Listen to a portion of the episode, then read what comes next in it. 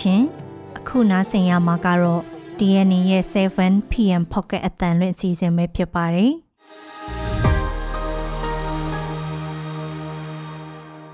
ဒီကနေ့ဖေဖော်ဝါရီလ19ရက်နေ့ရဲ့ Pocket အတန်လွင့်အစီအစဉ်မှာတော့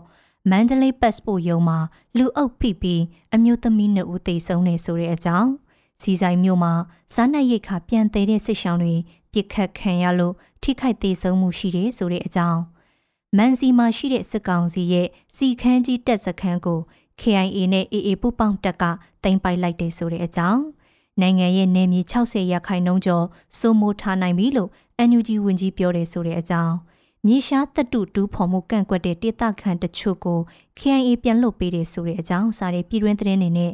ကိုပိုင်ဖက်ရှင်အမတ်တစိမ့်နဲ့ဖနက်အသက်ကို Trump မိတ်ဆက်တယ်ဆိုတဲ့အကြောင်းအကျဉ်းချခံထိုင်းဝန်ကြီးချုပ်ဟောင်းတက်စင် လွတ်ငင်းချမ်းသာခွင့်ရရှိတယ်ဆိုတဲ့အကြောင်းစားတဲ့နိုင်ငံတကာသတင်းတွေကိုလည်းနားဆင်ရမှာပါရှင်။ဒီစီစဉ်ကိုတော့ကျွန်မနန်းခမ်းနဲ့စိမ့်ကတင်ဆက်ပေးပါမယ်။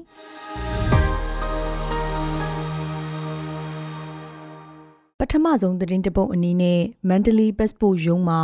လူအုပ်ပိပြီးအမျိုးသမီး2ဦးတိတ်ဆုံးသွားတဲ့အကြောင်းကိုပြောပြပေးပါမယ်။မန္တလေးတိုင်းအောင်မြေသားဆန်မြို့နယ်66လမ်းနဲ့65လမ်းကြား 12လမ်းပေါ်မှာရှိတဲ့ပြည်ထောင်စုဝန်ကြီးဌာနနိုင်ငံကူးလက်မှတ်ထုတ်ပေးတဲ့ရုံးမှာဒီကနေ့မနက်2နာရီကျော်လောက်ကနေရတန်းစီရင်အမျိုးသမီး2ဦးလူပိကတိတ်ဆုံးသွားတယ်လို့ဒေသခံတွေစီကသိရပါတယ်။ပတ်စပို့ရုံးထဲဝင်ဖို့နေရလူတန်းစီရင်လူအုပ်ပြိုလဲရာကနေအောက်ဆုံးရောက်သွားတဲ့အမျိုးသမီး3ဦးမှာအသက်ရှူကျက်သွားလို့စီးရုံပို့ရာ2ဦးဆုံးသွားတာဖြစ်တယ်လို့ဖြစ်စဉ်ကိုသိရှိနေတဲ့ဒေသခံတဦးကပြောပါတယ်။ တည်ဆုံးသူ2ဦးဟာမန္တလေးမြို့ညောင်ကွဲရက်မှာနေထိုင်တဲ့အသက်52နှစ်အရွယ်ဒေါခင်မျိုးအေးနဲ့အသက်39နှစ်အရွယ်မက်ခိုင်ဝေတို့2ဦးဖြစ်ပြီးမတ်တတေးဝင်းဆိုသူအမျိုးသမီးမှလည်းခြေထောက်ကျိုးသွားတယ်လို့ဆိုပါတယ်။မန္တလေးမြို့နိုင်ငံကူးလက်မှတ်ထုတ်ပေးတဲ့ရုံးကတန်းစီစနစ်နဲ့ရုံးအတွင်းဝင်ရောက်ကပတ်စပို့အသစ်လုပ်တာလဲလှယ်တာတွေနဲ့တက်တန်းတိုးတာတွေကိုပြုလုပ်ပေးနေတာဖြစ်ပါတယ်။ အဲ့ဒီရုံးကမန္တလေးတိုင်းအတွင်းမှာရှိတဲ့မြို့နယ်တွေအတွက်သာနိုင်ငံကူးလက်မှတ်ထုတ်ပေးတဲ့အတွက်အနေနဲ့အရရမှာရှိတဲ့ဒေသခံတွေဟာရုံးရှိမှာ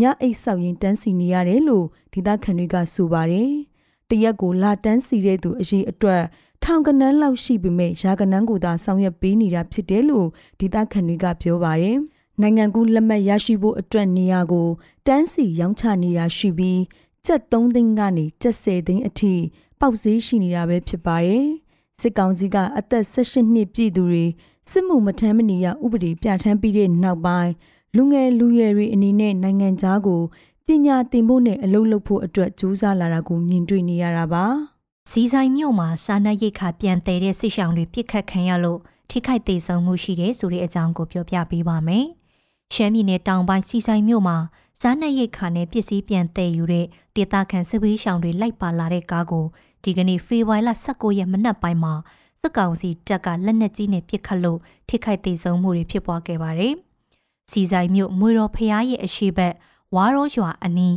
မနက်9နာရီကျော်လောက်မှာပြစ်ခတ်ခံခဲ့ရပြီးတော့အပြင်းအထန်တန်ရာရရှိခဲ့တဲ့သူရှစ်ဦးထပ်မင်းရှိတယ်လို့ဒေသခံတွေကပြောပါတယ်။အဲ့ဒီရှစ်ဦးထဲကတေဆုံးတဲ့သူလည်းရှိနိုင်ပြီးအရေးအတွက်အတီးကြကိုတော့အတီးမပြုတ်နိုင်သေးဘူးလို့အထက်ပါဒေသခံကပြောပါတယ်။စစ်ဆောင်တွေက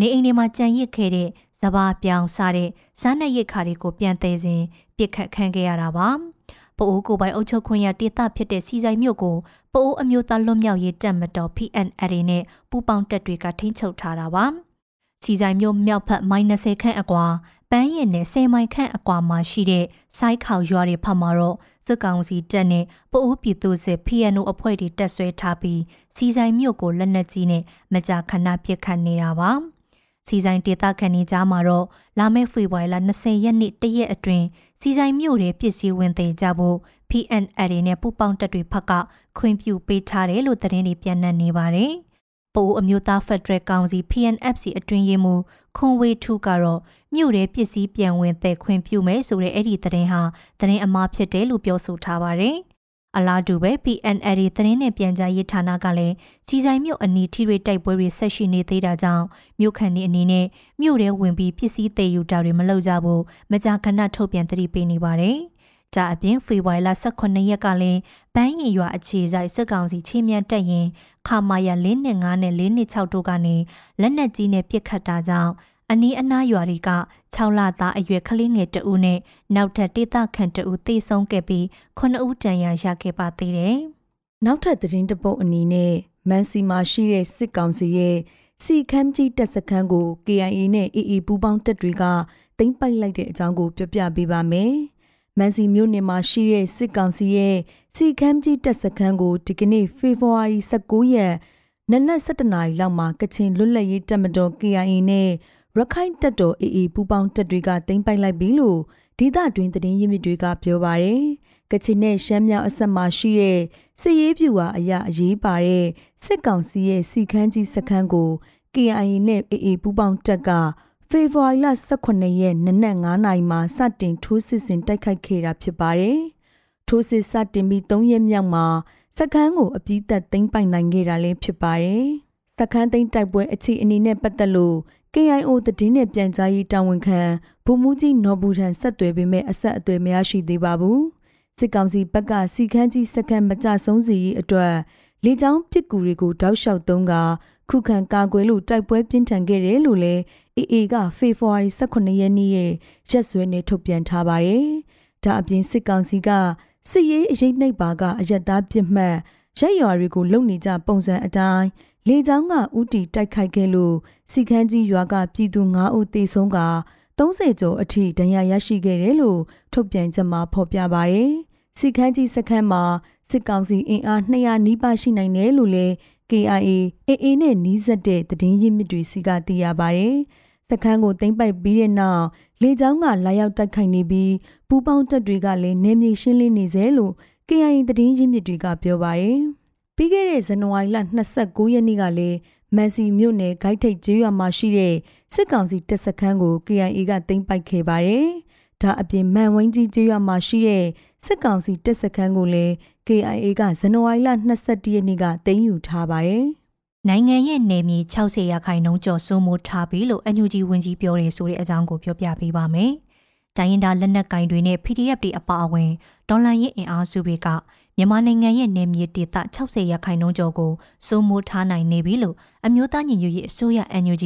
နိုင်ငံသားရေးဝန်ကြီးဒေါ်စမအောင်ကပြောပါရယ်။ဂျာမနီနိုင်ငံမြို့နစ်မြို့မှာဖေဖော်ဝါရီလ16ရက်နေ့ကနေ18ရက်နေ့အထိကျင်းပခဲ့တဲ့နိုင်ငံတကာလုံခြုံရေးဆိုင်ရာညီလာခံ Munich Security Conference မိန့်ခွန်းမှာထည့်သွင်းပြောခဲ့တာဖြစ်ပါတယ်။ စစ်အာဏာသိမ်း၃နှစ်ကျော်ကာလမှာခုခံတော်လှန်ရေးတပ်တွေဖက်ကအင်အားကြီးလာနေပြီးစစ်ကောင်စီကတော့မကြုံဘူးတဲ့အရှုံးနဲ့ရင်ဆိုင်နေရပြီလို့ဆိုပါတယ်။ပြည်သူတွေဟာစစ်တပ်အာဏာသိမ်းတာကိုအလို့မရှိကြောင်းငြိမ်းချမ်းစွာဆန္ဒပြခဲ့ပြီးမြဲစစ်ကောင်စီဖက်ကပြစ်ခတ်တပ်ဖြတ်ခဲ့တာကြောင့်အာဏာရှင်စနစ်လက်အောက်မှာနေမလားလွတ်လပ်ခွင့်အတွက်ပြန်လည်ခုခံတိုက်ခိုက်မလားဆိုတာကိုရွေးချယ်ရတာလို့လည်းဒေါ်စမအောင်ကပြောကြားသွားပါတယ်။နောက်ဆုံးသတင်းတပုတ်အနေနဲ့မြေရှားတတူတူဖော်မှု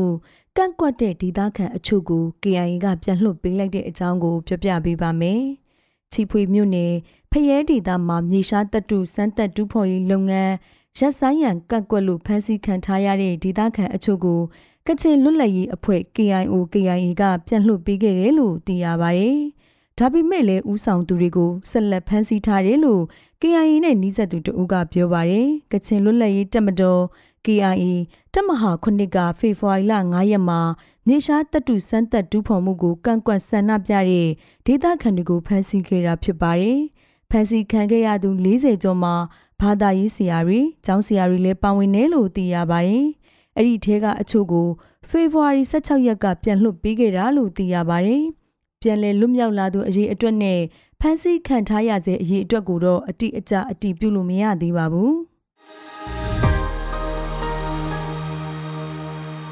ဆက်လက်ပြီးတော့နိုင်ငံတကာသတင်းအစီအစဉ်ကိုမနန်းခန့်ကတင်ဆက်ပေးပါမယ်။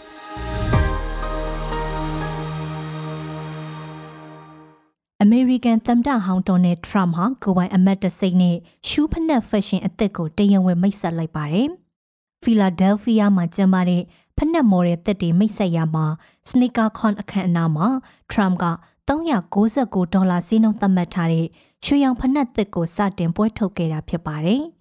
Never Surrender High Top လို့နာမည်ပေးထားတဲ့ဖနက်စီးရီးသစ်ပွဲဥထွက်ဒီဇိုင်းဟာရွှေရောင်ကိုထဲမှာအထက်ပိုင်းမှာကျင်းငါးပွင့်နဲ့အနီစင်း၃ခုပါတဲ့အမေရိကန်အလံပုံစံကိုထည့်သွင်းထားပါတယ်ဖနက်ရဲ့ကိုထဲပေးမှာတော့သူ့နာမည်အတူကောက်ထီစလုံးကိုထည့်သွင်းထားပါတယ်။ Trump ကဖနက်အသစ်ကိုမိတ်ဆက်ချိန်မှာထောက်ခံအားပေးတန်တွေရောလောင်ပြောင်တန်တွေပါဖုံးလန်းသွားခဲ့ပါတယ်။ Trump ဟာသူ့ကိုယ်ပိုင်အမတ်တစိတ်တွေဖြစ်တဲ့တခြားဖနက်တွေရေမွေးတွေနဲ့မုတ်ဆက်ရစ်ခရင်တွေကိုလည်းရောင်းချတာမျိုးရှိခဲ့ပူပါတယ်။အခုဖနက်အသစ်မိတ်ဆက်မှုဟာ Trump ရဲ့ရွေးကောက်ပွဲကြိုမဲဆွယ်မှုတွေနဲ့မသက်ဆိုင်ဘူးလို့ပြောပေမဲ့ Trump ကိုရွေးကောက်ပွဲအတွက်အကူအညီပေးနေတဲ့အရာရှိတွေကတော့အဲ့ဒီဖနက်ကို website ပေါ်တင်ပြီးအယောင်မြင့်တင်ပေးနေပါတယ်။ Trump ဟာနယူးယောက်ပြည်နယ်အခြေဆိုင်စီးပွားရေးလုပ်ငန်းတွေမှာစည်ရင်းလိမ်လည်ခဲ့တာကြောင့်ပြည်နယ်အစိုးရကိုဒဏ်ကြီးဒေါ်လာ 355တန်းပေးဆောင်ပြီးပြည်နယ်ထဲမှာစီးပွားရေးလုပ်ပိုင်ခွင့်၃နှစ်ပိတ်ပင်ခံခဲ့ရတဲ့တရားရုံးဆုံးဖြတ်ချက်နဲ့ကြုံတွေ့ပြီးမရှိမနှောင်းမှာဖနက်အသစ်ကိုမိတ်ဆက်ခဲ့တာဖြစ်ပါတယ်။ Trump ကတော့ fashion design တစ်ဖနက်တစ်မျိုးမိတ်ဆက်ထုတ်လုပ်ဖို့ကိုသူပြောခဲ့တာက12နှစ်73နှစ်လောက်တောင်ရှိခဲ့ပြီဖြစ်ကြောင်းသူရဲ့ထုတ်ကုန်သစ်အထူးတလဲအောင်မြင်မယ်လို့ယုံကြည်ကြောင်းပြောကြားခဲ့ပါတယ်။ Trump ရဲ့ဖနက်သစ်ဟာ limited edition ဖြစ်ပြီး Trump ကိုယ်တိုင်လိုပဲရဲရင်ပြီးရွှေလိုတန်မိုးရှိခြင်းတွေကိုရည်ညွှန်းတယ်လို့သူ့ရဲ့ရွေးကောက်ပွဲမဲဆွယ် website မှာအမွန်းတင်ဖော်ပြထားပါတယ်။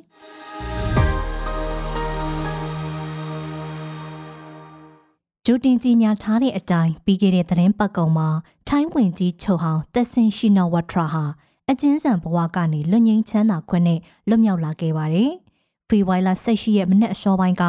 သက်ဆင်ဟာထိုင်းရဲတပ်ဖွဲ့စင်းရုံကနေနေအိမ်ကိုပြန်သွားခဲ့တာဖြစ်ပါတယ်။သူဟာထောင်ဒဏ်ကြခံနေရပြီးမြဲလဲကျမ်းမာရေးအခြေအနေကြောင့်ဘန်ကောက်မှာဆေးရုံတက်နေခဲ့တာပါ။သက်စင်ကိုအနက်ရောင်မာစီတီဗန်ကားကြီးတစ်စီးနဲ့ခေါ်ဆောင်သွားပြီးနောက်ထပ်နိုင်ဝက်နီးပါးအကြာမှာတော့မိသားစုနေအိမ်ကိုပြန်လည်ရောက်ရှိသွားခဲ့ပါတယ်။အသက်84နှစ်အရွယ်သက်စင်ဟာ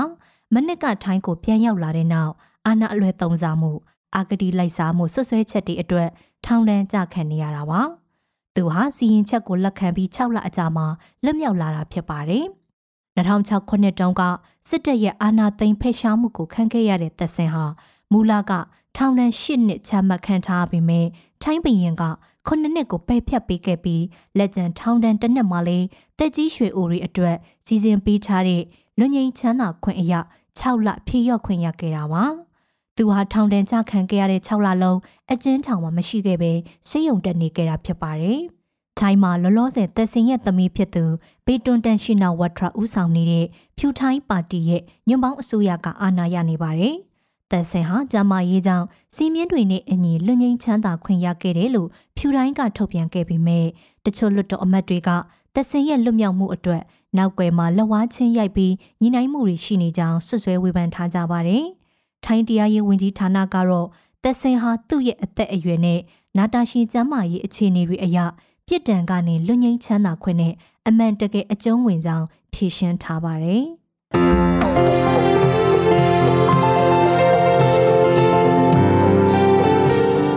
DNA ရဲ့ 7pm pocket အတန်လွင့်အစီအစဉ်ကိုအပတ်စဉ်တနင်္လာနေ့ကနေတောက်ကြနေ့အထိည9:00နာရီတိုင်းမှာတင်ဆက်ပေးသွားပါမယ်။ဒီစီစဉ်ကို Anchor, Spotify တို့မှာနားဆင်နိုင်သလို DNA ရဲ့ YouTube Channel မှာလည်းဝင်ရောက်နားဆင်နိုင်ပါတယ်ရှင်။